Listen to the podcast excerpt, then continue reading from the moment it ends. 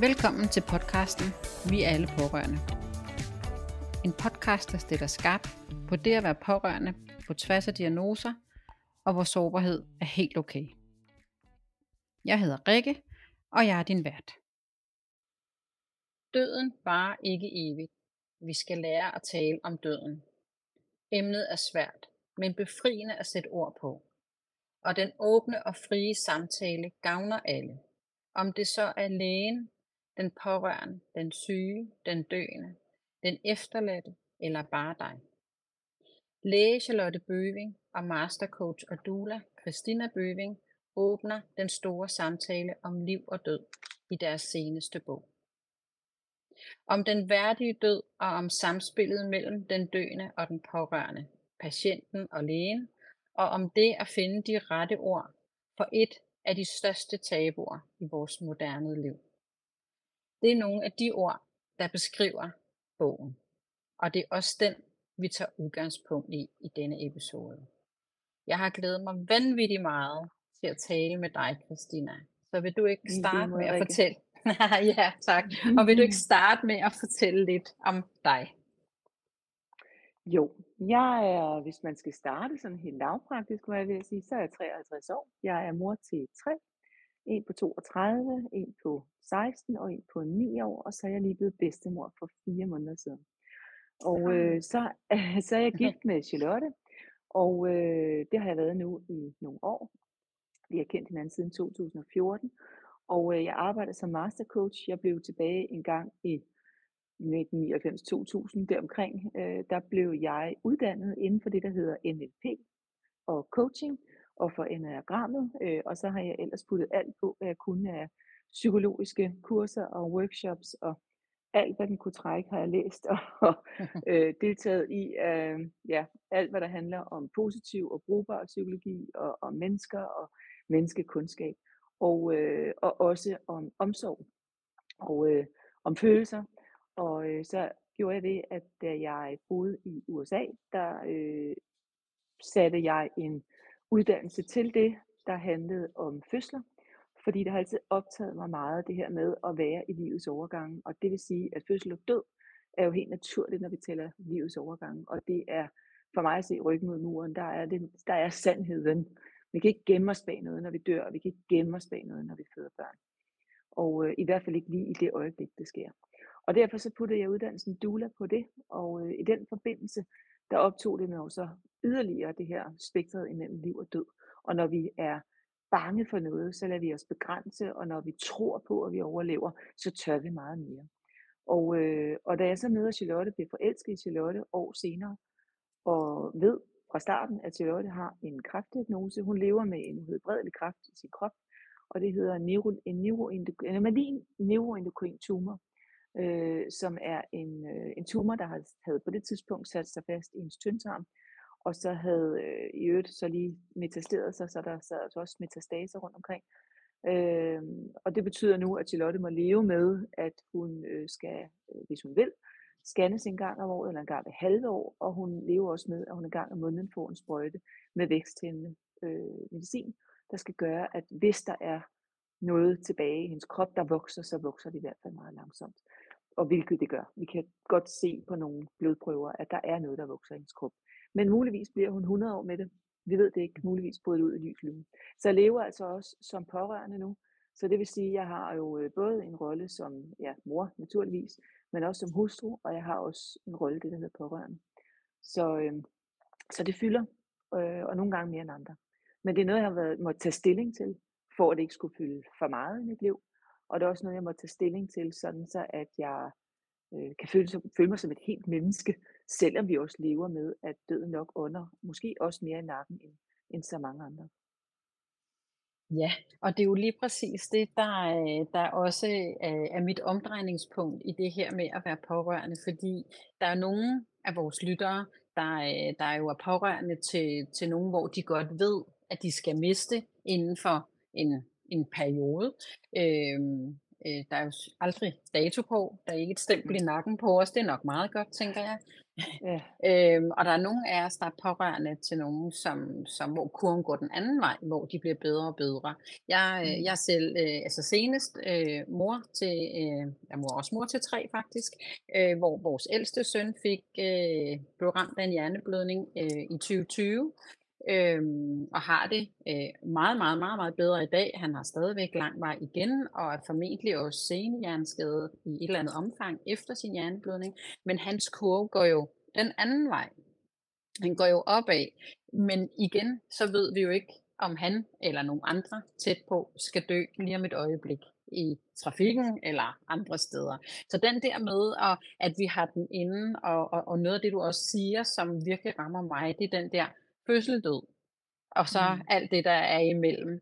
Der der skal Ja. vi have noget ud af livet, ikke? Vi kan ikke vi Jo, kan ikke altså ikke få noget ud af livet, tænker jeg.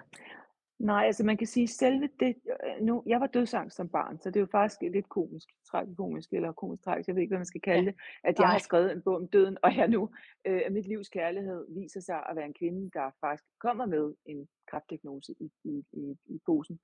Ja. Øhm, men øh, men det, der er interessant, og det var jo så det, jeg yderligere opdagede omkring at arbejde med fødsler for eksempel, det var jo, at selve fødselsøjeblikket, øh, og det kan man sige, er det når man øh, hovedet er født, eller er det når hele kroppen er født, eller er det når første v sætter ind? Hvornår er fødselsøjeblikket?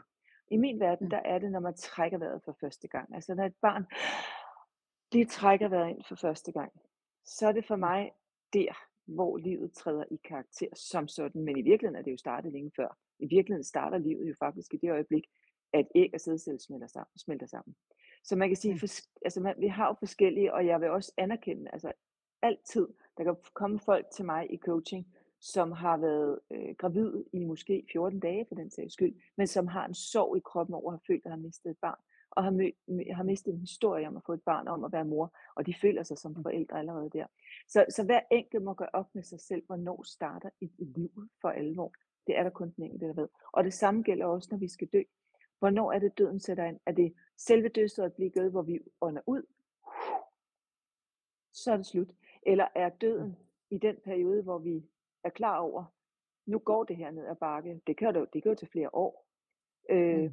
Eller eller det kan tage måneder, eller det kan tage uger, eller er det, når man så lægger sig ned i en seng og og og ikke kan mere, eller sætter sig i en stol, og og kroppen stopper, øh, og og man bliver bare svagere og svagere. Er det så der, døden er ved at indtræffe, eller hvad er det egentlig, vi Mh. taler om? Og alt, hvad der ligger omkring selve øjeblikket at blive født, selve øjeblikket at dø, der har vi jo mulighed for at få indflydelse. Og da Mh. jeg først begyndte at tænke i de baner, så begyndte det faktisk at blive interessant, fordi så havde jeg lyst til at bygge noget omkring mig selv i forhold til det at dø. Fordi det andet har jeg ikke rigtig indflydelse på. Og vi kan godt dø ved, at vi træder ud foran en bil, eller der er en, der kører os ned, eller der øh, det ved jeg ikke. Der kan jo ske alverdens ulykker, øh, som gør, at døden Mh. indtræffer, bum, og så er vi væk. Øh, og det vi kan gøre ved det, det er jo selvfølgelig at forsøge at leve så sikkert som muligt, øh, og også uden at vi skal begrænse os selv for meget. Men jeg synes, det er et spændende felt at arbejde med, hvor meget vi har af indflydelse på vores liv, øh, mens vi er her. Øh, og også hvor meget indflydelse vi har på, hvordan vi vil herfra, lige så vel som vi har indflydelse på, hvordan vil jeg gerne føde mit barn. Mh. Og det har jeg brugt Og det er rigtig meget tid på. Mh. Ja. Og det er øh, og altså og det er jo essentielt. Altså det er jo det er jo livet for mig er det livet, det du her du beskriver, og jeg får helt gåsehud, øh, Mh. øh, bare ved øh, at at at lige skal skal drage det her frem, fordi du har jo ret. Der er jo der er jo mange, der vælger, øh, også som pårørende, øh, at at ligesom sige: "Nå, men nu øh, nu er livet slut." Selvom at man ikke ved, hvornår noget bliver bedre, og om noget kan blive bedre. Så det er jo også noget med en indstilling til, at Mh. øh, hvis vi vælger at sige til vores vores hoved, vores hjerner: "Jamen nu er det slut."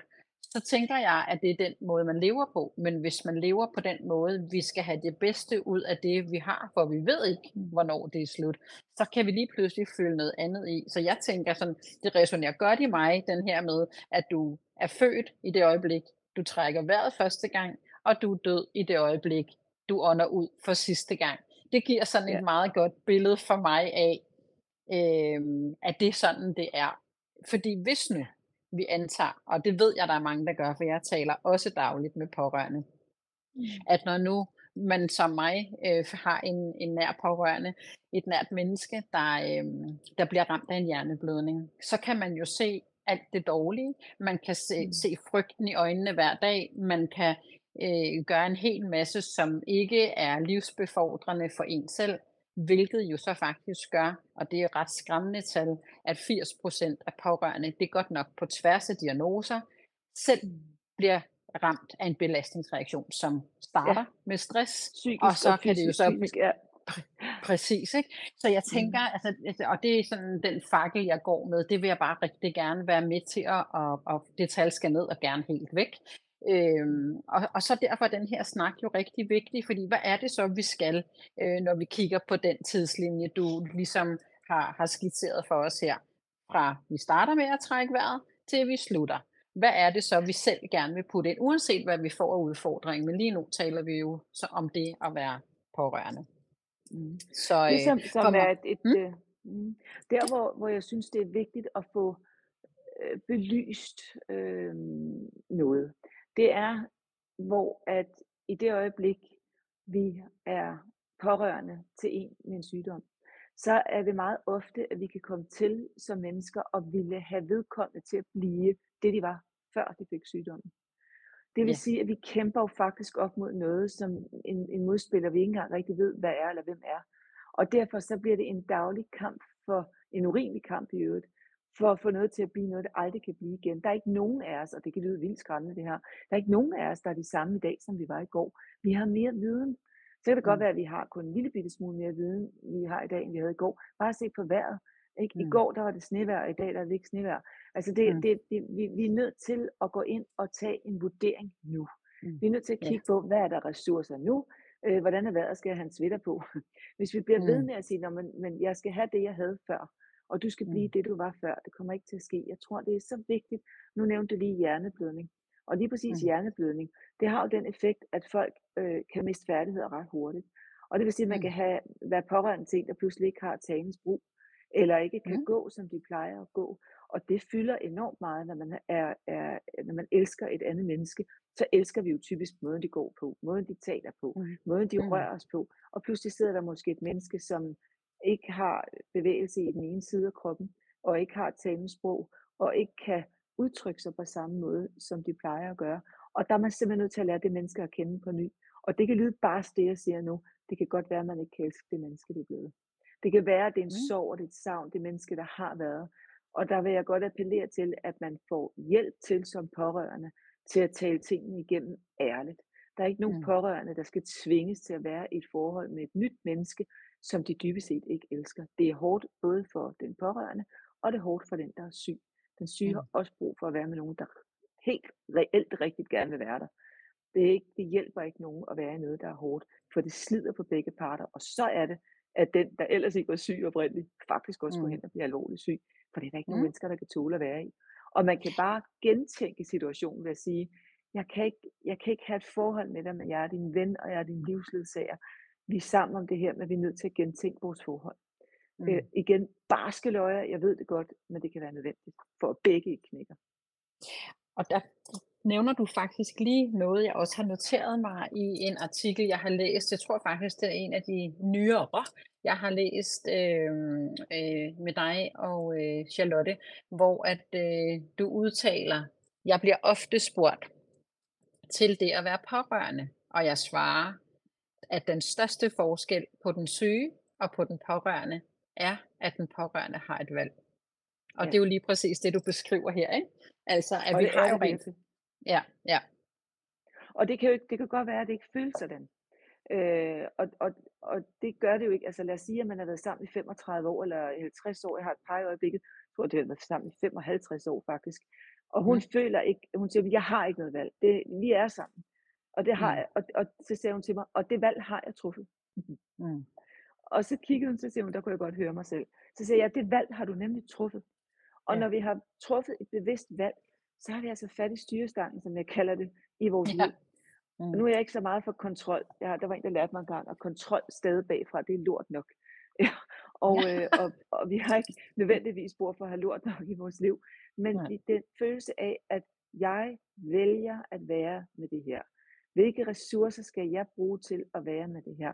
Pludselig er det en helt anden oplevelse, at man ikke bare føler, at man bare er en medløber og en medspiller, eller det jeg kalder endnu værre et skyggemenneske. Man bliver en Mm. skygge af sig selv, fordi man egentlig bare løber med ned, og man ved ikke, hvorfor man gør det. Man føler bare, man skal.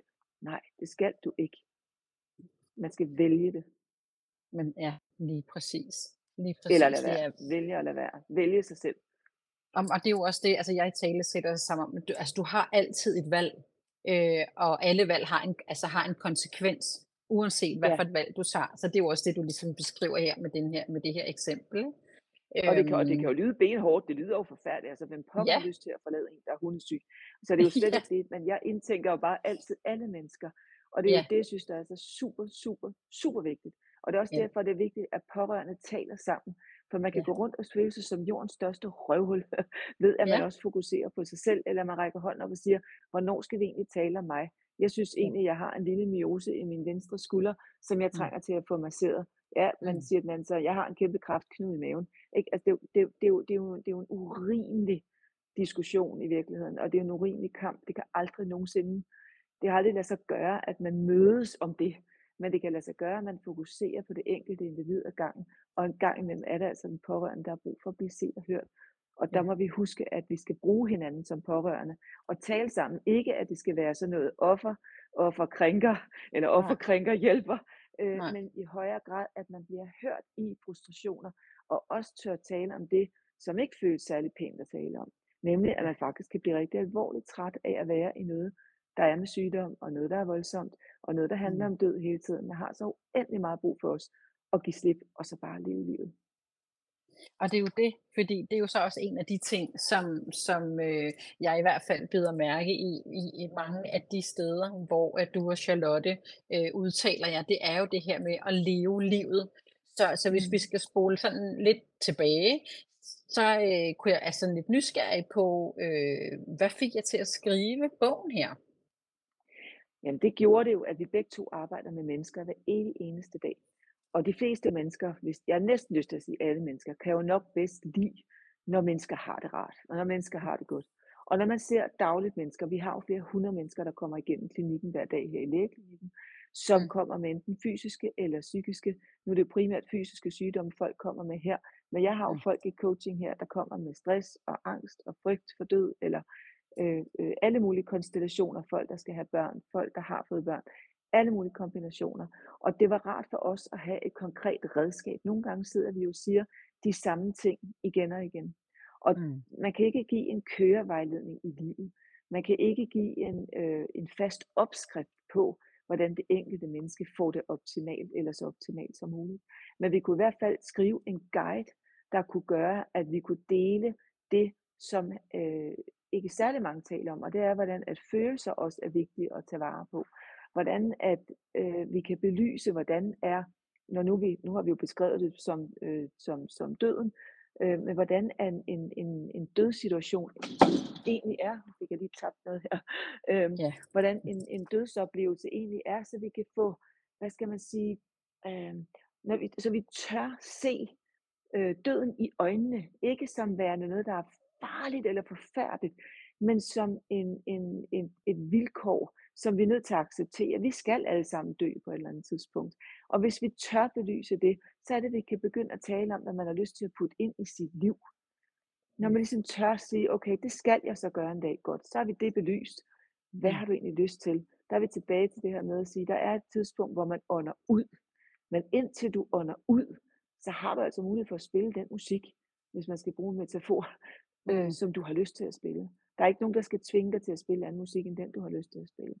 Og der synes, der synes jeg, det vi har formået, jeg har lyttet rigtig meget til en, der hedder Wayne Dyer, og han sagde, don't die with your music still in you. Dø ikke med din musik ind i dig stadigvæk. Og så er Mm. helt tricket jo at så begynde at lære at lytte til den musik, man har inde i sig. Og den er jo Mm. ikke altid pæn. Nogle gange så er det jo heavy metal, og nogle gange så er det blide toner af en harpe, øh, og Mm. begge dele er lige rigtigt. Og det synes jeg også, vi har forsøgt at belyse i bogen, at bare fordi vi taler om at leve livet fuldt ud og være i kærlighed og gå efter det ypperligste, det betyder ikke altid, det er pænt. Jeg skulle igennem en skilsmisse, Charlotte skulle igennem en skilsmisse, øh, før at det kunne lade sig gøre, at vi var sammen. Det var da ikke nødvendigvis pænt hele vejen igennem. Så nogle gange, så skal man også turde fagne det, der ikke er så pænt, for at komme hen til det, der egentlig virkelig betyder allermest for en. Jeg mødte jo mit livs kærlighed, og det samme gjorde Charlotte, da vi mødte hinanden. Øh, men det betød nogle forandringer i vores liv, vi skulle foretage. Jeg måtte flytte 300 km for at bo her sammen med Charlotte, hvis vi skulle have et liv sammen. Eller også havde hun måtte gøre det. og det var nogle dybe samtaler, der skulle til. Øhm, og hvor der skulle laves nogle ændringer, øhm, som krævede nogle store samtaler med nogle mennesker omkring os. Så, øh, så jeg synes, at det vi har formået, egentlig, det var at få sat ord på også de ting, der er super svære. Øh, og det er dem, vi har forsøgt at få ned i den her bog, ja, og, og, og få givet videre til andre mennesker, fordi det er tanker, vi har gjort os. Og nu deler vi dem, ja, ligesom du deler så smukt her i din podcast. Øh. Noget, som du bruger rigtig meget tankevirksomhed på. Ja, og det, altså, og det er jo det her med, altså, og det, det jeg hører dig sige, det er også den her med, at altså, gå med det, du brænder for, Både ja. i, altså i dit privatliv, altså i dit kærlighedsliv, øh, men også i dit arbejdsliv. Altså det er jo sådan ja. meget op i tiden lige nu, øh, alt det her med, med arbejde, og hvordan skal vi arbejde, og skal vi lave om på den måde, vi arbejder på. Det tror jeg kommer til at ske sådan helt ja. automatisk.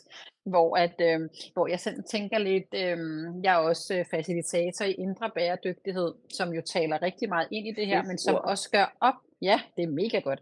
Altså i virkeligheden, så er det jo sådan, at nu har vi talt ydre bæredygtighed i rigtig mange år, og jeg tænker ikke, der er mange af os i, i, i Danmark i hvert fald, der ikke kan finde ud af at sortere øh, affaldet. Øh, vi har i hvert fald fået rigtig mange øh, skraldespande her, hvor vi bor, øh, øh, så op med nogle klistermærker på, så tænker jeg, det, det går sgu meget godt med det.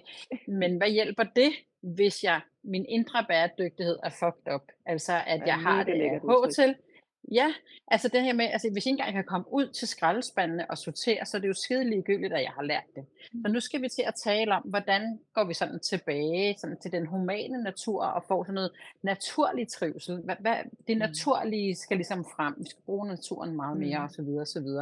Og det taler jo også godt ind i den her, øh, som du siger, altså at hvad skal vi putte ind i det her liv, som vi har valgt, er fra vi trækker vejret til vi ånder ud. Hvad er det, vi putter ind? Hvad er det for nogle valg, vi tager? Og jeg synes jo, det er mega blæret, og den, I har den dybeste respekt, fordi selvfølgelig øh, er der andre lyttere, der, der vil kunne genkende det her med at tage nogle store øh, beslutninger, fordi der skal forandres noget stort. Øh, bare det at flytte øh, 300 kilometer, det er jo en kæmpe beslutning. Jamen det er det jo, altså, mm. hvis man altid... Kæmpe stor. Ja, øhm, så, så det tænker jeg, at rigtig mange kan, kan identificere sig med, at, at det er et valg, der bliver taget, øh, som er på bekostning af noget, men det valg, altså når valget er det rigtige, så finder man også ud af at lave den her balance, der skal til, og det er det, jeg i virkeligheden tænker, at vi skal blive mere og mere dygtige til, øh, både privatliv og arbejdsmæssigt, ikke? Altså at, at det, så er det også sammen med, på en eller anden måde. Ikke? Hmm? Ja, og så er der også noget med at, at, at kunne bevæge sig frit imellem nutid og fremtid.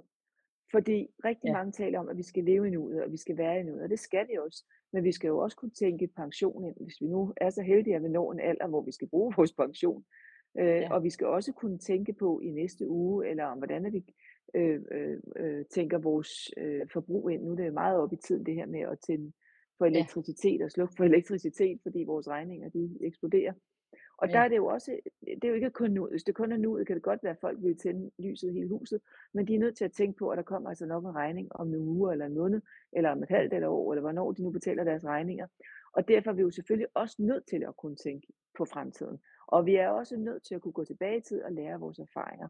Så, så, så vi skal som mennesker, og det er jo også det, der er det lækre ved at være, det, ved at være menneske, det er også det, der er svært ved at være menneske, det er læren om at kunne navigere i, hvornår skal jeg bruge mit krudt på at være i nuet, og hvornår skal jeg bruge mit krudt på at være i fortid, hvornår skal jeg bruge det på at være i fremtid. Og, og, og det, det var jeg jo også nødt til at tænke ind. Lige nu her havde jeg jo bare lyst til at være sammen med Charlotte 24 timer i døgnet, og så var det bare det. Ja, men der kommer mm. også en fremtid, hvor at mine børn skal jo i gymnasie, og hvordan er gymnasierne egentlig i Varde, og så kommer der en fremtid i forhold til, hvad med mig og job? Jeg var jo selvstændig og arbejdede i København. Hvordan med mm. job, når jeg så flytter til, til Varde? Kan jeg fortsætte med det, jeg laver? Øh, skal jeg gøre noget andet, eller skal jeg bare lade mig selv flyde med? Det er store spørgsmål, og der har man altså brug for hjælp. Man har simpelthen brug for folk, der er omkring en, som har gjort en masse tanker om det, eller som kan være med til, som du siger, at sortere lidt. Jeg synes, det er jo den fineste metafor for at kunne sortere i sine tanker, og noget, det hører altså til småt brandbart. Det kan man bare Mm. drøne hen med det samme. Ud. Det kan jeg ikke Mm. bruge til noget som helst. Væk med det. Og så Mm. andre store tanker, dem er, man altså, dem er man simpelthen nødt til at tage sig af og få sorteret lidt, så man kan finde ud af, hvad skal jeg egentlig bruge til at træffe nogle nye beslutninger, eller til at træffe beslutninger om at blive, hvor jeg er. Øh, der var jeg jo lykkelig for at have de redskaber selv, men jeg brugte også mennesker omkring mig, som både var professionelle og veninder, som jeg ved, jeg kan regne med, er med til at holde en rød tråd, mens jeg dykker ind i mit indre. Og der fandt jeg jo så ud af, hvad der var vigtigst for mig. Og det var super vigtigt for mig på det tidspunkt at følge mit hjerte. Og det er jo så også det, der er gået hen og er yderligere blevet min, mit varemærke. Det er at følg dit hjerte, men gør det kløgtigt. Ikke? Gør det, så du ved, at du, at du også har din praktik på plads. Fordi det er, jeg arbejder altid ud fra fem lag. Og der er det første lag praktisk. Fordi hvis du ikke har din praktik i orden, nu har vi indrettet os her i det her samfund med, vi vil godt have et sted at bo. Og det koster en vis husleje. Og det, på en eller anden måde vil vi godt have nogle møbler i det her hus. Og vi vil også godt kunne transportere os på en eller anden måde. Så det kræver nogle penge. Vi er nødt til praktisk set at have, have landet nogle, nogle beslutninger for os selv. Og rent fysisk er vi jo også nødt til på en eller anden måde at tage stilling til den krop, vi har. Alene vores sanser, altså vores øjne, vores øh, følesanser, vores lyttesanser, alt det her. Vi må tage stilling til, hvordan vi, vi behandler øh, den her fysik, det her redskab, vi har, der hedder vores krop og vores hjerne og vores, vores, øh, vores måde at agere på i livet ved at bevæge os rundt. Og så har vi Mm. nogle følelser, som vi også skal tage vare på. Øh, vi har en mentalitet, vi også skal tage vare på. Og så har vi det ben, jeg også kalder, at vi også har vores øh, spiritualitet, vores sjæl. Mm. Vores sjæl skal også have næring en gang imellem. Og det får den ikke, hvis vi kun er i praktik, eller kun er i følelser, eller kun er i Mm. mentalitet, eller kun tænker på Mm. vores krop. Vi skal Mm. gang imellem bare være. Og der, der tror jeg, at det er, der er vi tilbage til din sorteringstanke her. Jeg tror, Mm. det, det, Jamen, det er klogt at lige sætte sig ned og sortere en gang imellem og sige, hvad skal mit fokus være lige nu? Hvad går jeg med? Og det er jo det, og, og hver eneste gang du er kalibreret i det, jeg, altså, og du taler fuldstændig ind i, i, jeg arbejder med noget, der hedder øh, fra MBA, det hed det jo i gamle dage, når man skulle Ja, opgraderes, øh, i hvert fald øh, på, på det faglige, til MBS, altså til Mind, Body and Soul, det er lige præcis ja, det, du lige har nævnt, og, øh, og, og vi er jo rigtig meget i mind i vores samfund. Rigtig mange ja. mennesker er kun i mind, og, øh, og forsømmer så både soul og body, Mm. og så når nogen så tænker, ej, nu må jeg også lige komme i gang med den der krop, men så forsømmer de så de to andre ting. Så det der med at Mm. lære at være i denne her balance, Ja, øh, og så bruge den som en, en GPS, ikke? Altså sådan så at bruge den til at navigere i dit liv. mm. Øhm, altså det er, det er faktisk ikke så tosset. Altså hvis der er du for meget i hovedet, det er også ofte der, at man så Mm. øh, kan begynde at få de første stresssymptomer, ikke? Når, når noget Ja. bliver nok. Så det næste, næste step, en, det er øh, så, hmm? ja, Ja, jeg har sådan en helt regulær måde at komme af med stress på hovedet på. Øh, ja, faktisk så er, øh, er hele rådhuset sat i gang i år med at, og, øh, ja. at lave de her øvelser, fordi at der var et par stykker, der havde fået stress. Og det går simpelthen ud Mm. på at ryste kroppen fuldstændig, Ja, fuldstændig ryste ja, kroppen igennem. Fordi når man er meget i sit hoved, ja, og man ja, begynder at bygge tanker op. Stress, det er jo, når man egentlig er et sted, men hele tiden tænker på at skulle være et andet sted. Fordi ja. hvis man der bruger at være i nuet, og egentlig får lavet det, man skal have lavet lige nu, så kan man ikke være Mm. stresset. Der findes ikke stress lige nu. Men det findes i, at man tænker, at man skal hele tiden et nyt sted hen. Så kommer stress. Og det Ja, og den der frygten for reagerer. fremtiden, ikke? Jamen lige Ja, præcis, lige ikke? Altså præcis. du Og så reagerer, reagerer altså, kroppen jo, og der kan du ja, komme, ja, der kan du faktisk på forhånd afreagere med at stå og simpelthen ryste på stedet. Hele ej kroppen hvor som en fedt. Ja, kludedukke, hvor man, og, ja, og det gør bare, at man grounder sig selv rent fysisk. Det er ikke ja, gjort med det alene, fordi man skal jo stadig ind og have øh, navigeret alle de her tanker rundt, som at stå med en stor motorcykel, man ikke lige helt har kontrol over. Øh, sådan ja, en kæmpe motor, der bare kører derud over, og man er simpelthen nødt til at give ned, ganske enkelt. Den er ikke længere. Man ja, er nødt til at tage et step ad gangen. Og det er super svært, præcis. og man har mange gange brug for hjælp til det, men, men det kan lade sig gøre. Men det der med groundingen, det er jo et godt sted at starte, så når man har rystet, jamen så, så, er, så har fået aktiveret nogle ting, og kunne man øh, også ryste, mens man stod udenfor, så vil det jo være Ja, rigtig godt, for så får man samtidig nogle, øh, altså trækker vejret ind øh, på noget frisk luft og mm. så videre, ikke? Så det giver jo ja vanvittig god mening. lige præcis. Øhm, Der er lige et og ekstra når nu, ben, jeg skal ja, lige have på. ja, Og det Ja, kommer ja, også i forhold til det her med det her med at få, øhm, fordi det igen, jeg nørder jo altid videre i alle de her teknikker, som jeg sidder Mhm. med. Men der er et meget stort og ekstra ben, som også er det ben, der kommer ind som pårørende, og det er et ben, der hedder moral. Mhm. Moral, det kan altså være en dræber i forhold til at have det godt. Fordi man kommer Mhm. nogle gange til at misbruge moral, og det gør man ved, at jeg kan ikke tillade mig. Og hvad vil andre mennesker ikke sige, hvis jeg gør det Mhm. her? Hvad vil jeg ikke fremstå som, hvis jeg tager vare på mig selv? Så det er et, et, et meget vigtigt felt, øh, også at tænke igennem, hvad er min egen moral? Hvad, hvad, Mhm. hvad, står jeg, hvad står jeg for? Hvad står jeg inde for som menneske? Og nogle gange er det svært at stå ved sig selv. Hvis man bliver ved med at gå væk fra sig selv, så mister man faktisk sit eget værdisæt lige så stille og roligt. Så jeg vil virkelig opfordre til, at man sætter sig ned for sig selv. Nogle gange så kan man få hjælp af, at man kigger på virksomheder. Det er blevet meget populært igennem tiden, at virksomheden skal finde deres værdier, Mhm. virksomhedsværdier. Men det enkelte menneske kan også finde sine egne værdier. Og det skal altid være værdier, der vil resonere med en selv. Ikke når man tænker, det lyder rigtig pænt at sige, at jeg er et ærligt menneske. Nej, der er ikke nogen af Mhm. os, der er 100% ærlige. Vi smålever en gang imellem efter behov, fordi det er nemmere. Så prøv at finde på noget andet. Prøv virkelig at finde på noget, som er din egen grundværdi. Prøv, jeg, jeg vil gerne være så ærlig som muligt. Den er jo lækker, fordi så er man i tryghed med sig selv. Men Mhm. det er bare sådan et lille redskab, jeg, jeg, jeg, jeg bruger rigtig meget tid på med mine klienter her, og med mig selv for Ja. den sags skyld. Hvad synes jeg egentlig er okay? For, øj, hvor kan man banke sig selv i hovedet mange gange som pårørende, øh, Ja. for at, hvad vil andre mennesker ikke sige, hvis jeg ikke tager med til den undersøgelse? Eller er jeg så virkelig et dårligt menneske, hvis jeg siger, at jeg magter simpelthen ikke at høre mere på det, så nu sover jeg altså lige for mig selv i nat. Ikke? Øh, Det har man ikke lyst til at sige højt, Nej. men det kan faktisk være det, jeg siger. Det gør nærmest ondt i mig selv, og jeg føler mig virkelig som et dårligt menneske. Jeg har bare sådan enormt meget behov for at lige være alene i de næste timer. Er det okay med dig? Så har man selv belyst, at man, er simpelthen, at man godt er klar over, at det kan fremstå forfærdeligt, men man har altså virkelig et behov. Og det er helt Jamen, det er jo det. behov. Ja, og, og, og det taler rigtig godt ind i netop det her indre bæredygtighed, som jeg taler om. Det er sådan øh, 12 indre menneskerettigheder, som tager øh, altså afsæt i, i de menneskerettigheder, vi har talt om i, ja, øh, i mange, mange, mange år. Men hvor den ene, den hedder retten til at leve det gode liv. Altså det her med at stoppe op, reflektere over, om du lever det liv, øh, Mm. der er rigtigt for dig. Altså den her balance, der er, som du siger, mellem værdier og handling. Altså, øh, lever jeg det liv, jeg gerne vil? Øh, altså i hvert fald bruge det som sådan en, en refleksion. Stop op en gang imellem, for jeg tror også, Mm. eller jeg er ret sikker på, at, at det her det kan, er, er med til at, at, øh, at se lidt anderledes på tingene. Jeg, jeg, Mm. jeg arbejder sådan lidt øh, med, med noget i stedet for, øh, altså vi kommer til at gå fra mental trivsel til naturlig trivsel.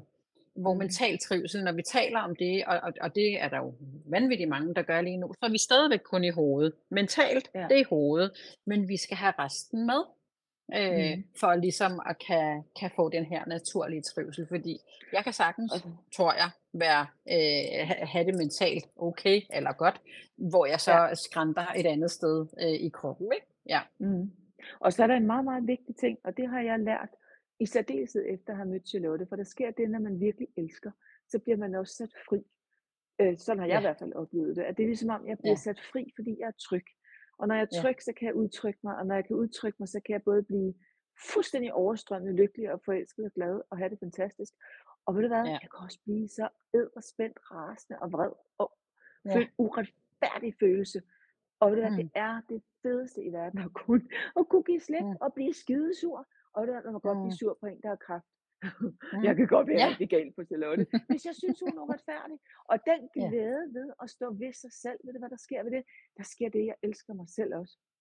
Mm. Fordi så står jeg ved mig selv, så passer jeg på mig selv. Det er ligesom at stå op for en.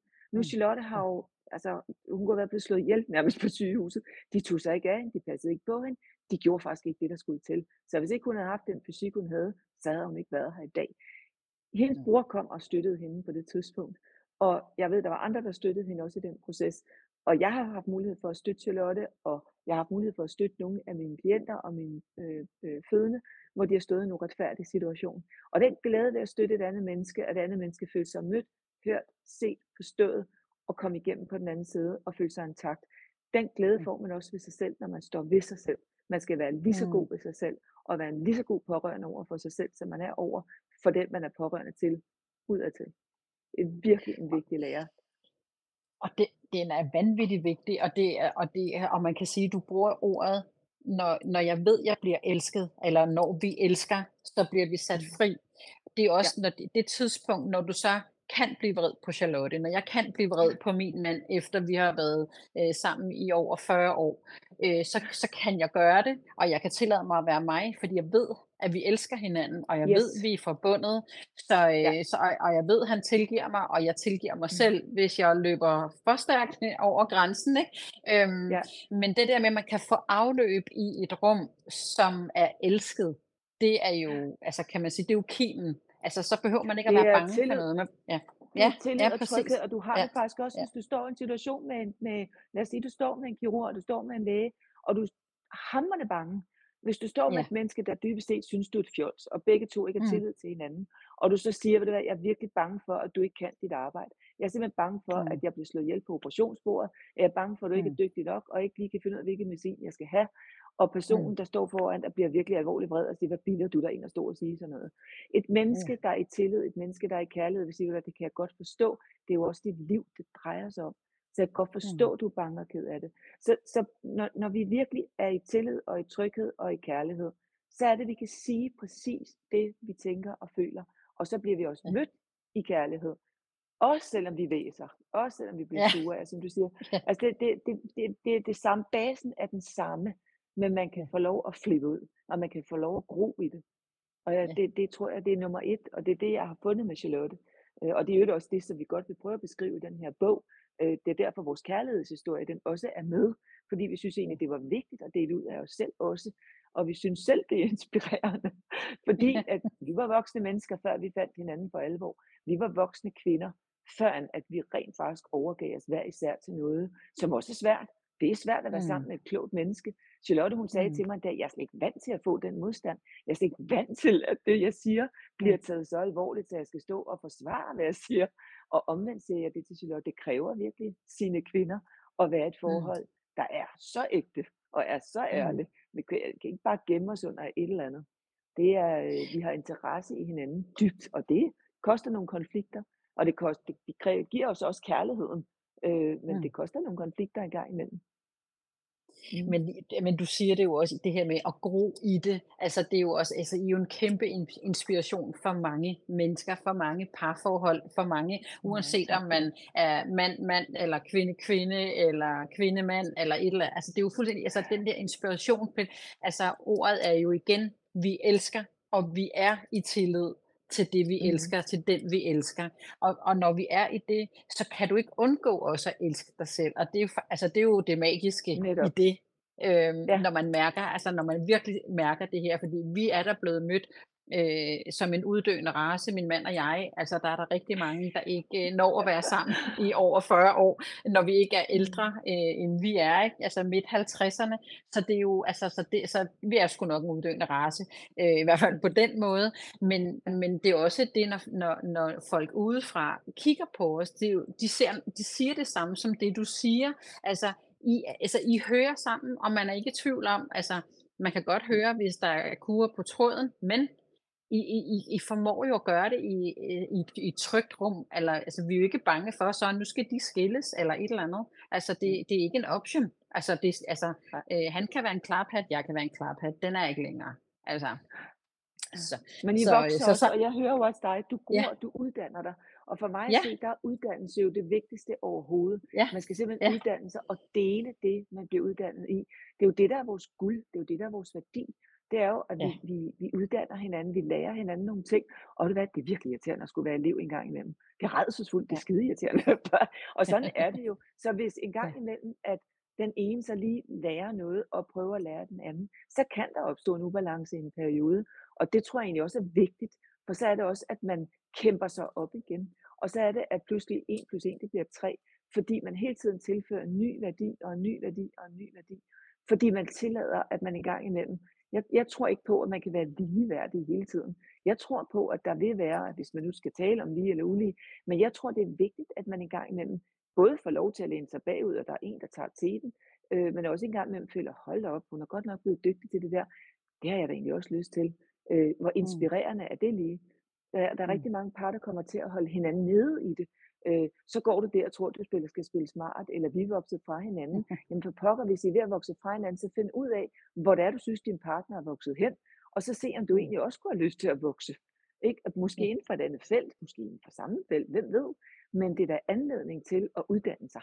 Og uddannelse, det er nu engang guld. Altså det er personligt guld, efter min mening.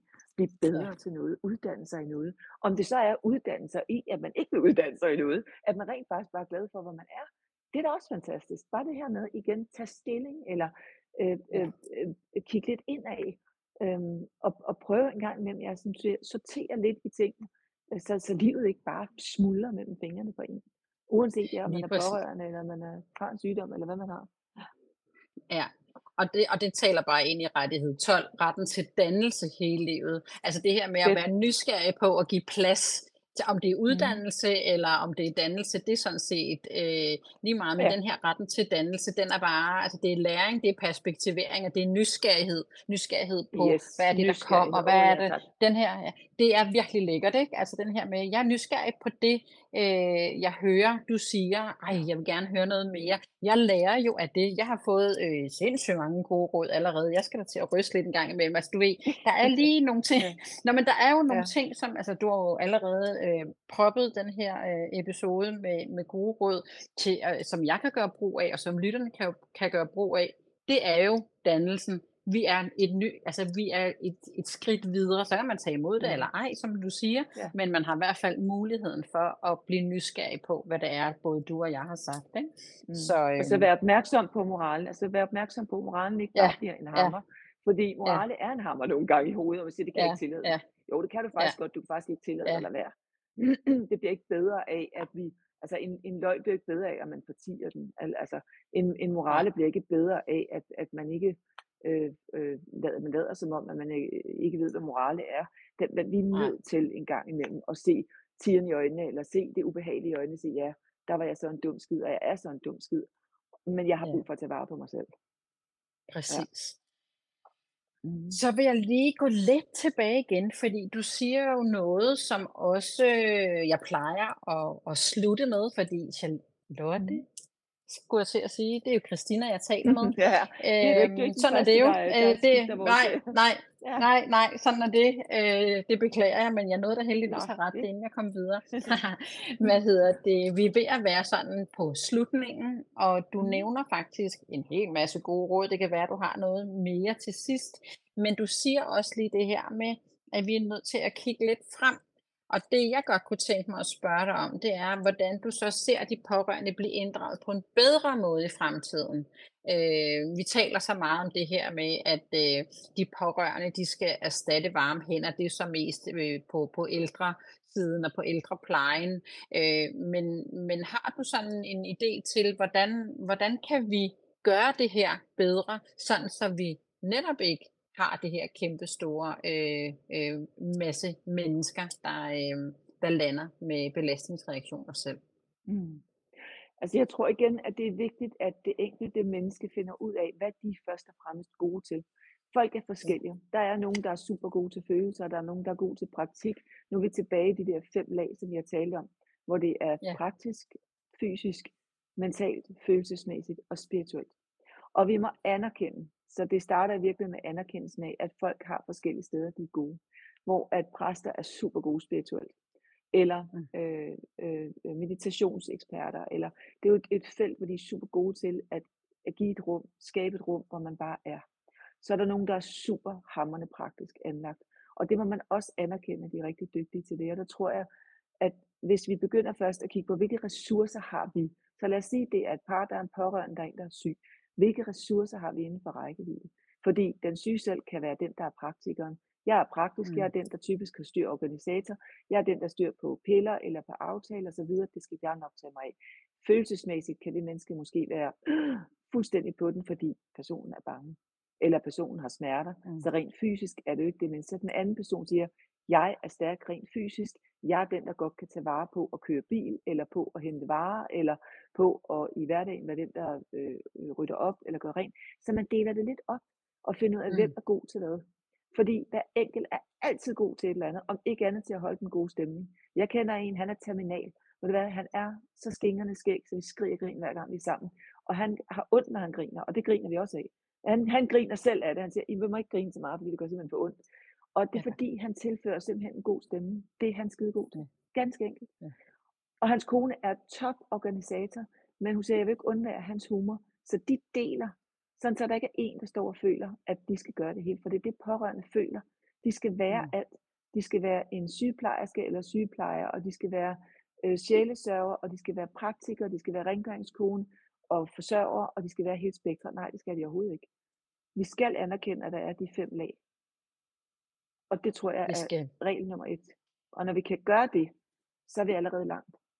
Man skal ikke føle, at man skal kunne opfylde alle roller, for det er der ikke nogen mennesker, der kan, og det er heller ikke nogen, der skal.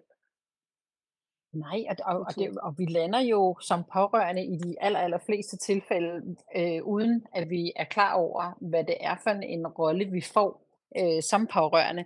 Så, så Og det den her med at det er Den jo det, for det her med at afdække, det, det er jo, altså jeg var jo på en måde, øh, når jeg er i krisens fase 1, frem for nu, hvor det er to og et halvt år siden, det er i hvert fald i forhold til vores ældste søn, øh, der er jeg Mm. et andet sted, så der er man ressourcer på et andet niveau, så det er jo også Mm. øh, vigtigt, at vi justerer det undervejs, ikke? Det Det er jo også i hvert fald det, jeg i tale sætter, ikke?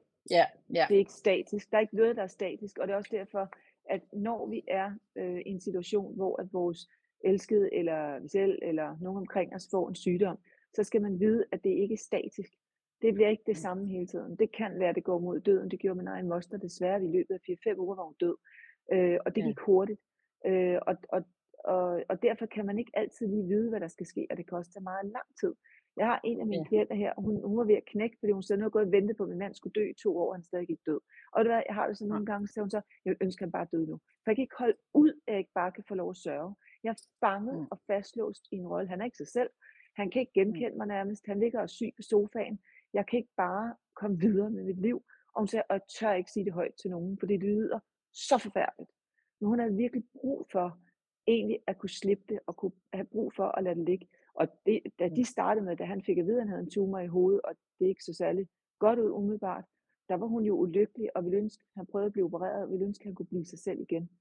Øhm, ja, og hun, hun nåede jo at acceptere, han bliver ikke sig selv igen, og nåede egentlig også at sætte sig selv så meget fri, så hun kunne, hvad skal man sige, hmm, både begynde at leve sit eget liv, men kom så desværre til at blive lidt fastholdt i, at han var syg i så lang tid, eller var dårlig i så lang tid, før han så slap.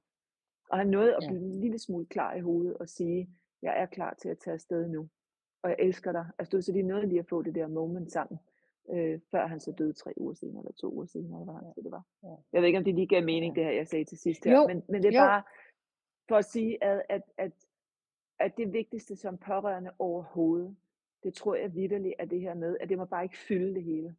Man skal have plads til sig selv også. Og når man har plads til sig selv også, så er det, man tør stå ved, hvad man kan holde til, og hvad man ikke kan holde til. For det er faktisk regel nummer et. Fordi hvis du går til en samtale med, sit, med sin, sin, sin elskede, om det er barn eller voksen eller hvem det er, og skal have et møde med sundhedsvæsenet, som kan være overvældende, og man ikke har ressourcer til det selv, så er det altså ikke, så er det ikke rart for nogen eller noget. Hvis man siger, ved du hvad, jeg kan godt overskue og gå med til to aftaler, det vil jeg have ressourcer til, der kan jeg være i overskud med mig selv, der kan jeg sidde og skrive ned, eller være klar i hovedet, det er det, jeg kan give, og så må vi få nogle andre til at sørge for resten. Så man, at det er ikke sikkert, det lyder særlig pænt, men det er det, man har at give af. Og på den måde tror jeg, at vi begynder at bedre kunne, øh, hvad skal man sige, mm, forberede os, eller forberede pårørende på at, at, at være i noget, der er så svært. mm, Øhm, og jeg tror, det er det, vi skal til at lære i sundhedssystemet også. At, øhm, jeg tror, vi skal blive bedre til at, at forstå det. Altså mennesker, der er med at gøre det. Er jo mennesker, der er kede af det. Det er jo mennesker, der er i mm, knæ. Og så kan der være mennesker, der er brugt, der er brugt op. Øh, så, så, så det, er ikke, det er ikke en almindelig situation. Hvis der er nogen, der sidder udefra og siger, men kunne man ikke bare sørge for, at, øh, at øh, der så bliver givet noget mere tid? Men det er ikke mere tid. mm, Det er faktisk bare større forståelse for, at det er en bevægelig situation. Det er en situation, der ændrer sig hele tiden. Tingene kan mm, forandre sig. Den pårørende, der har siddet og grædt og været, været ulykkelig for en uge siden og var i knæ, har måske masser af ressourcer ugen efter. Så jeg tror, vi skal, vi skal have lært hinanden og vores sundhedssystem at se på situationen, som den er lige nu. Har du ressourcer til at sidde og lytte på det her pårørende? Nej, i dag har jeg faktisk ikke. I dag der har jeg brug for en varm hånd at holde i. Godt. Så får du det i dag. Så laver vi lige en ny aftale, og så tager vi det Mm. der i stedet for. Det tror jeg er vigtigere. Det er virkelig vigtigt. Og øh, kunne sagtens være noget af det sidste, vi går med. Men jeg synes alligevel, at du skal have muligheden for at få det sidste ord her, Christina. Så, øhm, så, så hvis der er noget, du har sådan har tænkt, ej, det der, det vil jeg faktisk gerne lige sende med ud. Det- Øhm, mm? Mm-hmm. Det er der. Det er, at jeg plejer faktisk at vise, ligesom hvis man får lavet et EKG.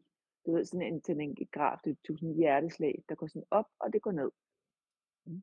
Og så er der sådan nogle takker imellem. Hvad søren er det, det hedder? Jeg kan ikke huske, hvad sådan en hedder. Men så når man går ind og får sat nogle elektroder på, og så er der sådan et, et, et, et elektrogram, der viser, hvordan hjertet er, og pulsen den er. Sådan ser jeg jo livet, at livet går op, og det går ned.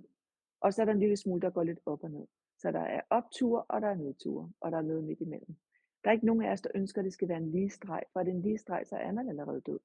Så vi skal gøre plads til, at der er de her pulsslag, og forstå, at nogle gange, når vi er nede, og føler, at vi er nede i sølet, så ved vi godt, at det her det er en periode, og det må jeg også fagne som værende en del af livet.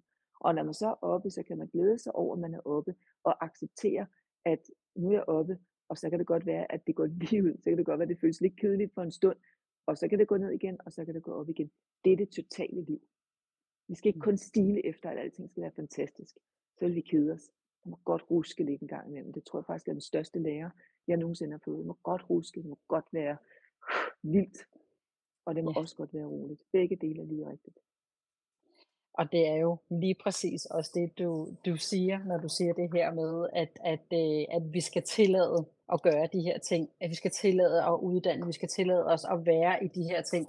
Øh, øh, i, de, i, i livet på denne her måde. Fordi når det så rusker, så, øh, så, så er det jo der, vi kan mærke, at vi lever. Fordi ellers ja, altså kedsomhed kan godt blive, hvis det altid er kun en lige streg, så er livet dødt, eller hvad man skal sige. Ikke? Man Det er er ikke det, død, men livet er dødt. Ja, Ja, nej, man kan præcis. Så det er to- selvfølgelig, når man har været ude i stormvejr en periode, så har man brug for, at der skal være ro på. Men når der så Ja. været ro på et stykke tid, så må der godt lige ruskes lidt igen. Ikke? Så ja, man kan sige, ja, det er det der med at komme til hele tiden igen, der er vi ude i stress. Man hele tiden stiler efter noget andet, end hvad det egentlig er. Prøv at rum og favn det, der er, og vid, det er en del af livets store uddannelse. Det er okay. Ja. Det må godt være Ja. svært. Vi er blevet meget bange for svært. Stress? Nej, det vil vi ikke have. Travlhed? Ja, fint i perioder. Super fint. det er Vi okay. kan godt håndtere det. Ja. Og svært, super dejligt, uoverskueligt, not so much. Det må, godt, det, må, Nej. det må godt være, det må godt ruske lidt. det er kun fint. Og det er jo balancen, ikke? Altså, hvis er det. det. sådan skal være, jeg lige skal samle sammen her, så, så balance i livet, det er, det er det, der skal til. Ja. Christina, tusind, tusind, tusind tak for, for Mm, din tid. selv Jeg tak. har øh, nydt det, øhm, og vi, måde. vi tales ved. Ja, vi tales Det ved og skrives ved, og, øh, og så må du bare have en fantastisk dag. Tusind tak. Tak. I lige måde. Hej igen. Tak. Hej. Hej. Vil du være en del af fællesskabet, vil jeg med glæde byde dig velkommen til Pårørende Klubbens Facebook-gruppe. Den er ganske gratis, og du finder den nemt ved at søge på Pårørende Klubben på Facebook eller i Google. Der ligger også et direkte link i beskrivelsen.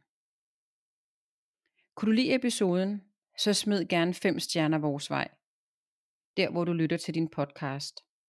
Og vil du være helt sikker på at være klar, når næste episode lander, så ind og følg podcasten i din podcast-app. Tusind tak, fordi du lyttede med til denne episode af podcastserien Vi er alle pårørende. Vi høres ved i næste episode.